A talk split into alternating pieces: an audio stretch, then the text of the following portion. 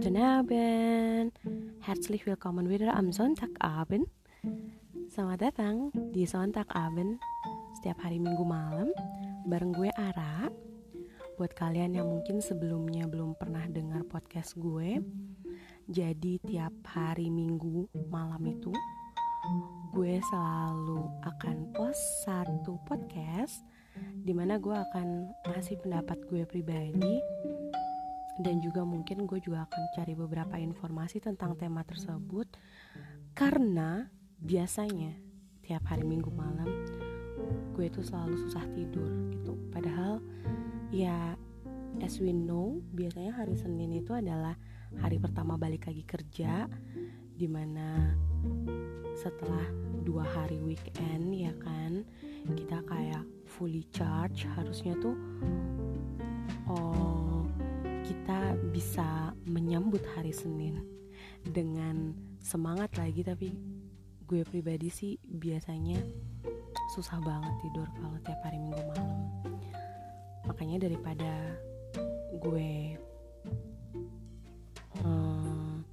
nggak hmm, jelas hidupnya tiap minggu malam gue bakal bahas satu tema sama kalian dan ngomongin uh, beberapa tema yang juga mungkin kalian bisa tanyain langsung ke Instagram gue ya. Di bawah tuh ada der bunte schmetterling kalian bisa cek Instagram gue. Nanti kalian juga bisa kirim um, direct message ke gue untuk pertanyaan-pertanyaan kalian mau bahas. Kalian mau gue bahas apa atau mungkin ada masukan-masukan juga buat gue di podcast gue ini. Oke? Okay? nah hari ini gue mau bahas tema yang menurut gue pribadi sih sangat interesting ya. Uh, sangat interesting. Jadi tentang kencan daring. Mungkin ada beberapa dari kalian yang ngerasa ah daring. Daring itu uh, dalam bahasa Indonesia adalah online ya. Uh, jadi maksudnya kencan online gitu. Atau mungkin yang lebih ngehits lagi kita bisa bilang dating apps kali ya. Karena mungkin itu lebih relate sama kehidupan saat ini. Hmm, di mana dating apps itu sedikit banyak khususnya buat uh, orang seusia gue kali ya. By the way gue kelahiran 91 jadi khususnya buat orang-orang seusia gue yang belum menikah gitu kayak satu-satunya apa ya wadah di mana bisa kenal orang-orang baru tuh salah satunya melalui dating apps gitu.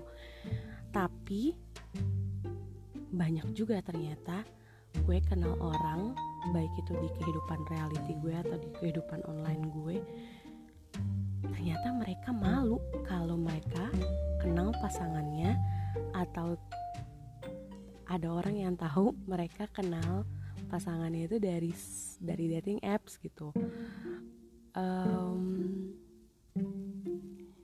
menarik gak sih? Kayak mungkin ada sesuatu di dating apps ini yang menjadi apa ya? Menjadi sesuatu yang memalukan gitu untuk di share sama orang-orang di kehidupan realitas kita gitu. Apakah mungkin dengan orang tahu kita uh, kenalan dengan orang baru di dating apps itu berarti kita mengakui bahwa we are not attractive enough gitu kan? Atau uh, bahkan mungkin not attractive at all gitu. Tapi yang mau gue bahas kali ini adalah gimana sih gue sendiri menggunakan mengaplikasikan dating apps ini di kehidupan gue gitu. Karena gue termasuk salah satu orang yang open sama teman-teman gue kayak oke okay, uh, I'm using dating apps gitu. Jadi ya it's no problem buat gue ya. Cuma gue juga bisa menghargai sih orang-orang yang memang uh, ngerasa malu sama penggunaan keberadaannya di dating apps gue bisa menghargai itu sih karena mungkin tiap orang juga punya keputusan yang berbeda ya. Tapi balik lagi kalau menurut gue sebelum kalian mau coba yang namanya dating apps kayak dating apps tuh kayak apa sih? Dating apps itu adalah aplikasi di mana kalian bisa mengenal orang-orang baru.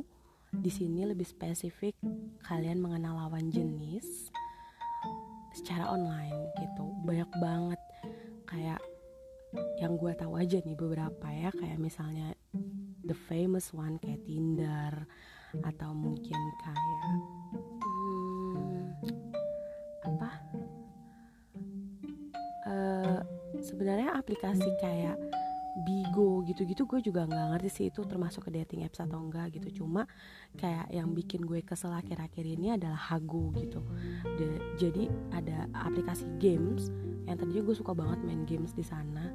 Karena gamesnya tuh variasi banget gitu nggak bosen. Jadi gue cukup download satu aplikasi terus gamesnya tuh udah banyak banget gitu kan. Dan itu pun online gitu kan tapi somehow dia beralih fungsi menjadi kayak hmm, kayak apa ya? Kayak live room gitu semacam bigo kayak gitu. Dan I think it's not my thing gitu. Kayak oh it's not me. Enggak gue banget lah. Jadi ya udah semenjak merebahnya si live room yang ada di Hago itu gue jadi nggak pernah main Hago lagi. Gue bahkan uninstall Hago gitu. Tapi ya ya whatever. Kita balik lagi ke omongan kita tadi tentang dating apps. Menurut gue yang paling penting yang harus kalian lakukan sebelum kalian kenal sama yang namanya dating apps adalah kalian harus menentukan tujuan kalian. Your purpose untuk mainan dating apps ini apa? Kayak gitu. And kalian benar-benar harus make it clear gitu. Kayak kalian nggak boleh abu-abu. Banyak banget tujuan yang bisa kita lakukan untuk hmm, menginstal sebuah dating apps di ponsel kita kan. Kayak misalnya mungkin kita ada yang mau cari partner kerja atau cari networking gitu kan. Atau cuma kayak cari temen hangout temen nonton. Bahkan mungkin juga ada yang niat banget cari jodoh gitu kan atau mungkin cuma sekedar cari fun ya. Gue rasa semuanya baik-baik aja. Maksud gue gue rasa semuanya sah-sah aja. Semua tujuan yang tadi gue sebutin itu fine aja selama kalian gak abu-abu. Kayak gitu. Jadi di apa ya di circle friend kita yang semakin sempit ini yang kita makin susah nyari temen di real life gitu ya di real life. Sebenarnya apa pun tujuan dating apps itu halal-halal aja sih menurut gue. Cuma yang bikin sesuatu menjadi kacau ketika tujuan kalian sudah mulai abu-abu nih.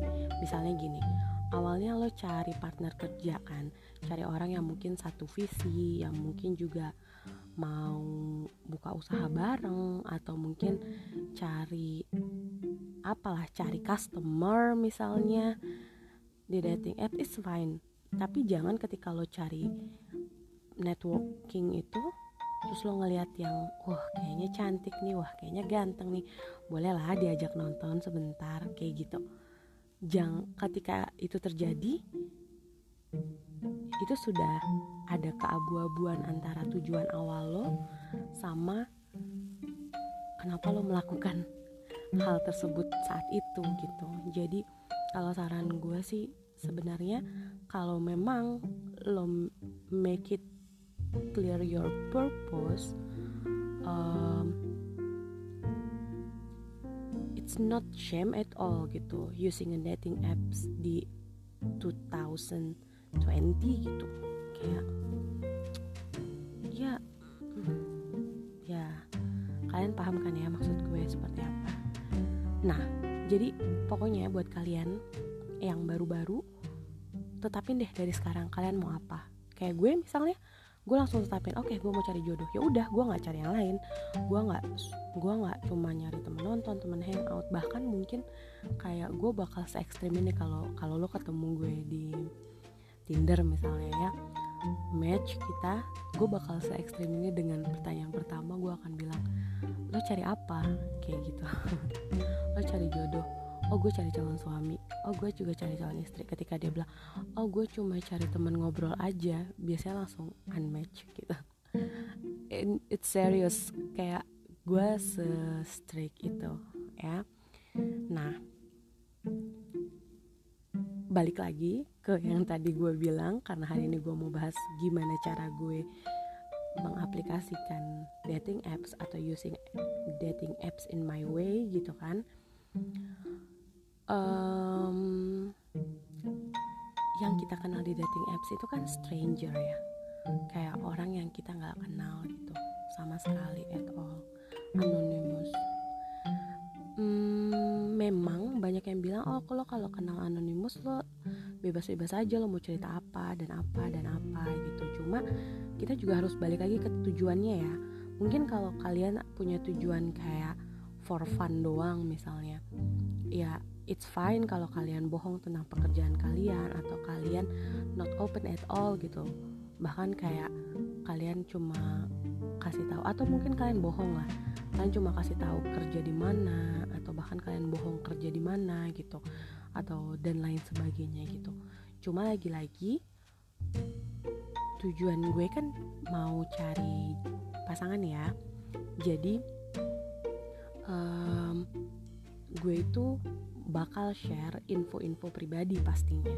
Karena gue nggak mau dong kayak membangun atau memulai sebuah koneksi koneksi connection dengan kebohongan gitu tuh gak bagus juga buat ke depannya nanti kan. Kalaupun memang nanti gue uh, akan berhubungan panjang sama dia karena kayak pasangan itu kan kayak long term gak sih? Jadi gue bakal nge-share info-info pribadi gue tapi um, don't give them everything you have ya. Jadi kayak yang paling penting adalah stay on platform stay on platform maksud gue. Jadi gue tuh jarang banget ngasih nomor WhatsApp nomor WhatsApp tuh jarang banget. Paling pun kalau kita move itu ke line kayak gitu. Dan karena gue juga tipikal orang yang pakai nomor telepon buat jangka waktu lama gitu. Jadi nggak banget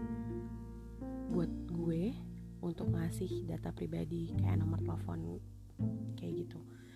Kalaupun kalian memang ngerasa oh nggak apa-apa gue fine ngasih nomor telepon ya oke okay, silahkan. Cuma saran gue sih kalian paling nggak harus nunggu deh minimal kayak seminggu atau dua minggu sampai kalian bisa move ke um, kontak pribadi. Seperti itu. Sejauh itu sebenarnya menurut gue yang gue alamin sih biasanya chat seperti itu cuma bertahan 3 sampai 4 hari ya kayak cuma hai iya hai uh, tinggal di mana? Tinggal di sini. Lalu tanya pekerjaan lalu tanya oh lagi sibuk ngapain? Gitu kan. Ya kita lihat aja siapa yang keep keep checking on us gitu. Kalau misalnya memang um, dia keep checking on us berarti kayak oh dia benar-benar uh, ngerasa attracted nih sama kita gitu kan. Tapi kitanya juga yang nggak boleh sok jual mahal banget kayak jawabnya sedikit-sedikit cuma ditanya oh ya kerja di mana? Um, di sini. Udah. Tunjukin juga kalau we are attracted to him atau to her gitu. Jadi ya main pingpong kan biar permainan ini jalan harus ada dua sisi kan. Nggak bisa satu mukul doang gitu. Yang satunya cuma ngebiarin bolanya jatuh ya the game is over kayak gitu. Jadi kalian juga harus lihat ya. Selain itu oh ini sih yang harus gue share sebenarnya di awal. Kalau gue pribadi tuh gue punya list.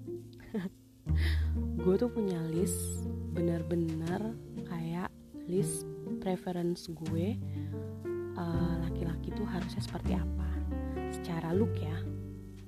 Karena sebelum gue swipe right gitu biasanya gue ngeliat dari foto-foto mereka kan. Gue suka ilfil sih kalau misalnya ada orang yang nggak nggak hmm, describe themselves di bio. Karena menurut gue kayak it it doesn't take so long gitu untuk describe yourself untuk ceritain apa yang lo cari atau diri lo kayak apa gitu. Ya sekitar beberapa kalimat kan itu juga nunjukin effort kita ya buat um, apa uh, untuk apa ya untuk ya untuk nunjukin kalau kita juga emang mau membuka diri gitu ke orang yang baru dikenal even itu melalui dating apps kayak gitu. Nah biasanya gue baca bio. Selain itu gue juga lihat foto pasti kan. Nah balik lagi ke yang tadi gue bilang gue tuh punya list guys.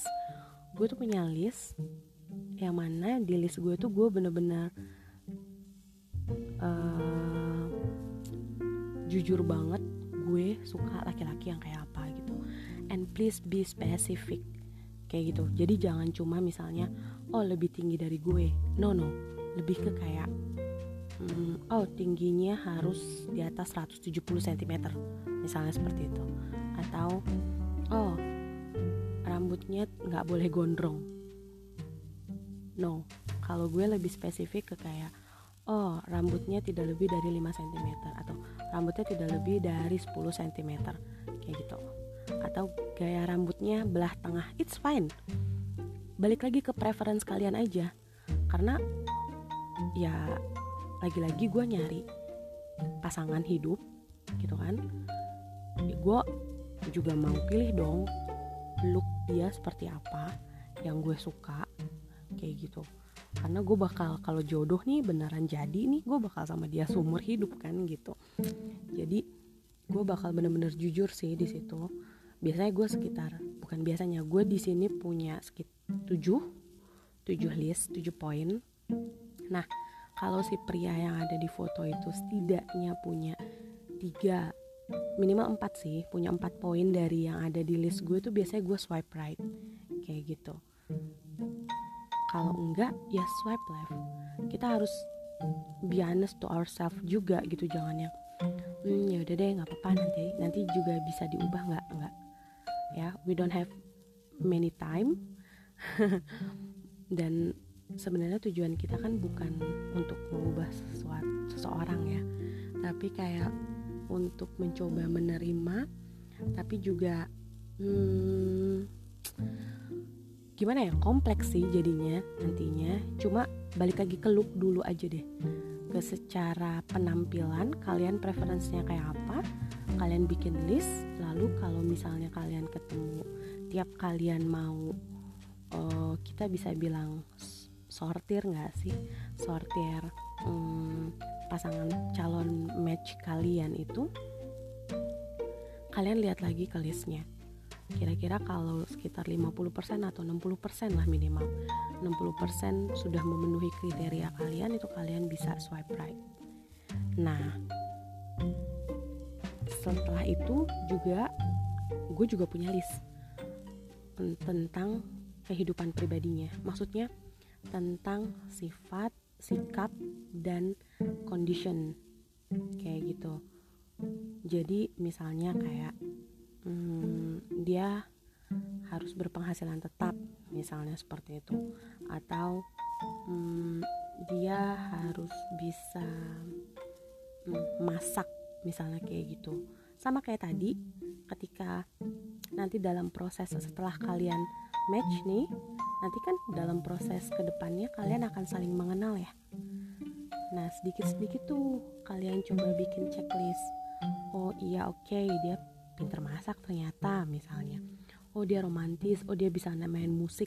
Kayak gitu nggak apa-apa. Kalian harus ngelis semua itu karena menurut gue itu penting banget. Di mana lagi-lagi balik ke poin awal yang kita cari di sini. Sorry yang gue cari di sini adalah pasangan buat long term. Bukan buat long term malah buat forever kan?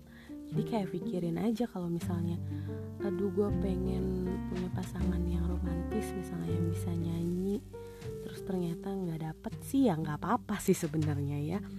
Cuma kayak kalau dapat kan lebih alhamdulillah ya nggak sih kayak gitu. Karena hmm, ya namanya usaha ya tapi kan kita juga harus ada uh, apa ketentuan berlaku gitu. Jadi nggak asal usaha comot-comot-comot aja juga gitu kan. Jadi semuanya lebih kondusif nanti ke depannya. Kayak gitu. Nah yang paling penting nih yang harus gue ingetin ke kalian adalah di tahap ini di tahap di mana kalian biasanya sudah mulai mengenal satu sama lain sudah misalnya um, misalnya move dari platformnya gitu kan.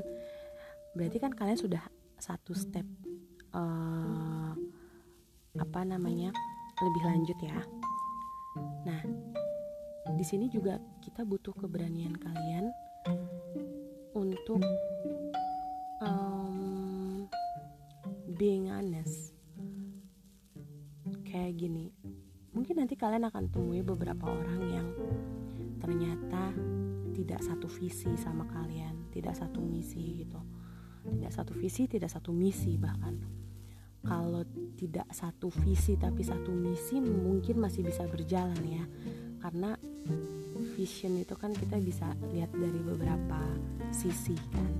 Tapi kalau udah beda misi sih udah pasti enggak kan. Sedangkan sebenarnya balik lagi misinya itu harusnya sudah kita sortir dari awal gitu. Kayak dari awal kalian harus pastiin juga kalau memang misi kalian sama. Misalnya sama-sama mau ke jenjang pernikahan atau sama-sama mau ke network gitu kan atau sama-sama mau cuma ke kasur gitu kan. Ya pokoknya kalian harus satu misi gitu. Tapi kalau misalnya kalian sudah satu misi nih oke okay, udah sama-sama mau cari jodoh kalian juga harus satu visi diusahakan kayak gitu. Kayak coba eh, buka-buka uh, obrolan yang berkaitan dengan uh, pernikahan ya. Tapi jangan jangan geragas juga tau geragas gak sih geragas tuh kayak apa ya? Jangan aduh ada motor lewat. Jangan uh, rush juga gitu. Kayak don't rush kayak gitu ya. Hmm, karena pada dasarnya kalian harus nanti sedikit-sedikit bisa menyortir sih dan benar-benar mengambil tindakan apakah kalian akan stay atau kalian harus leave gitu. Kalau saran gue sih ketika ketika hal-hal tersebut akan membahayakan kamu eh kamu lagi akan membahayakan lo dan uh, your future gitu kan dalam artian mungkin nanti ketika sudah menikah akan membahayakan anak lo atau apa gitu kan. Um, ya udah leave them aja. Kayak jangan jangan terlalu cepet jatuh cinta juga. Salah sih memang. Ini juga kelemahan gue sih. Kayak kelemahan hampir semua cewek nggak sih? Kalau dimanisin dikit tuh kan kayak udah kelepek-kelepek gitu. Oh please don't gitu. Karena gue sendiri ngalamin beberapa kali kayak yang mm, udah baper ya kan? Ditinggal mm, udah kenal sama mama ditinggal gitu. Karena gue orangnya juga termasuk yang nggak pernah nutup nutupin sih. Maksudnya uh, ya kalau mau ngajak gue pergi ya ke rumah gitu. Ke rumah izin sama nyokap ngajak gue pergi. Gue nggak suka kayak ketemu di mana di jalan atau apa gitu ya tapi emang nyokap gue juga harus kuat hati sih kayak yang kadang suka kayak beda lagi mbak gitu. Tapi it's fine. Uh, gue paling cuma bisa ngasih ngasih um, apa ngasih excuse ke nyokap gue. Ya kan namanya juga lagi dalam tahap seleksi mah aku bilang kayak gitu. Cuma lagi-lagi hmm, intinya dari omongan kita hari ini adalah sebenarnya dating apps itu bisa jadi apa ya? Bisa jadi wadah yang ya mungkin bisa ngebantu kalian untuk mewujudkan tujuan kalian balik lagi nih ke tujuan kalian apa. Jadi kalian sebelum main dating apps harus tetapin dulu tujuan kalian apa main ini karena biasanya yang uh, ngerasa malu atau ngerasa uh, takut diketahui oleh teman-temannya bermain dating apps itu karena ada tujuan yang mulai abu-abu gitu kayak oh mungkin awalnya pengen cari cari jodoh gitu cari pasangan tapi ya daripada gua nganggur sekarang ya udahlah cari temen nonton dulu atau cari temen hangout dulu kayak gitu ya udah nanti kalau ini juga nggak apa-apa no jadi please tetapin tujuan kalian sebelum kalian main dating apps dan play safe oke okay?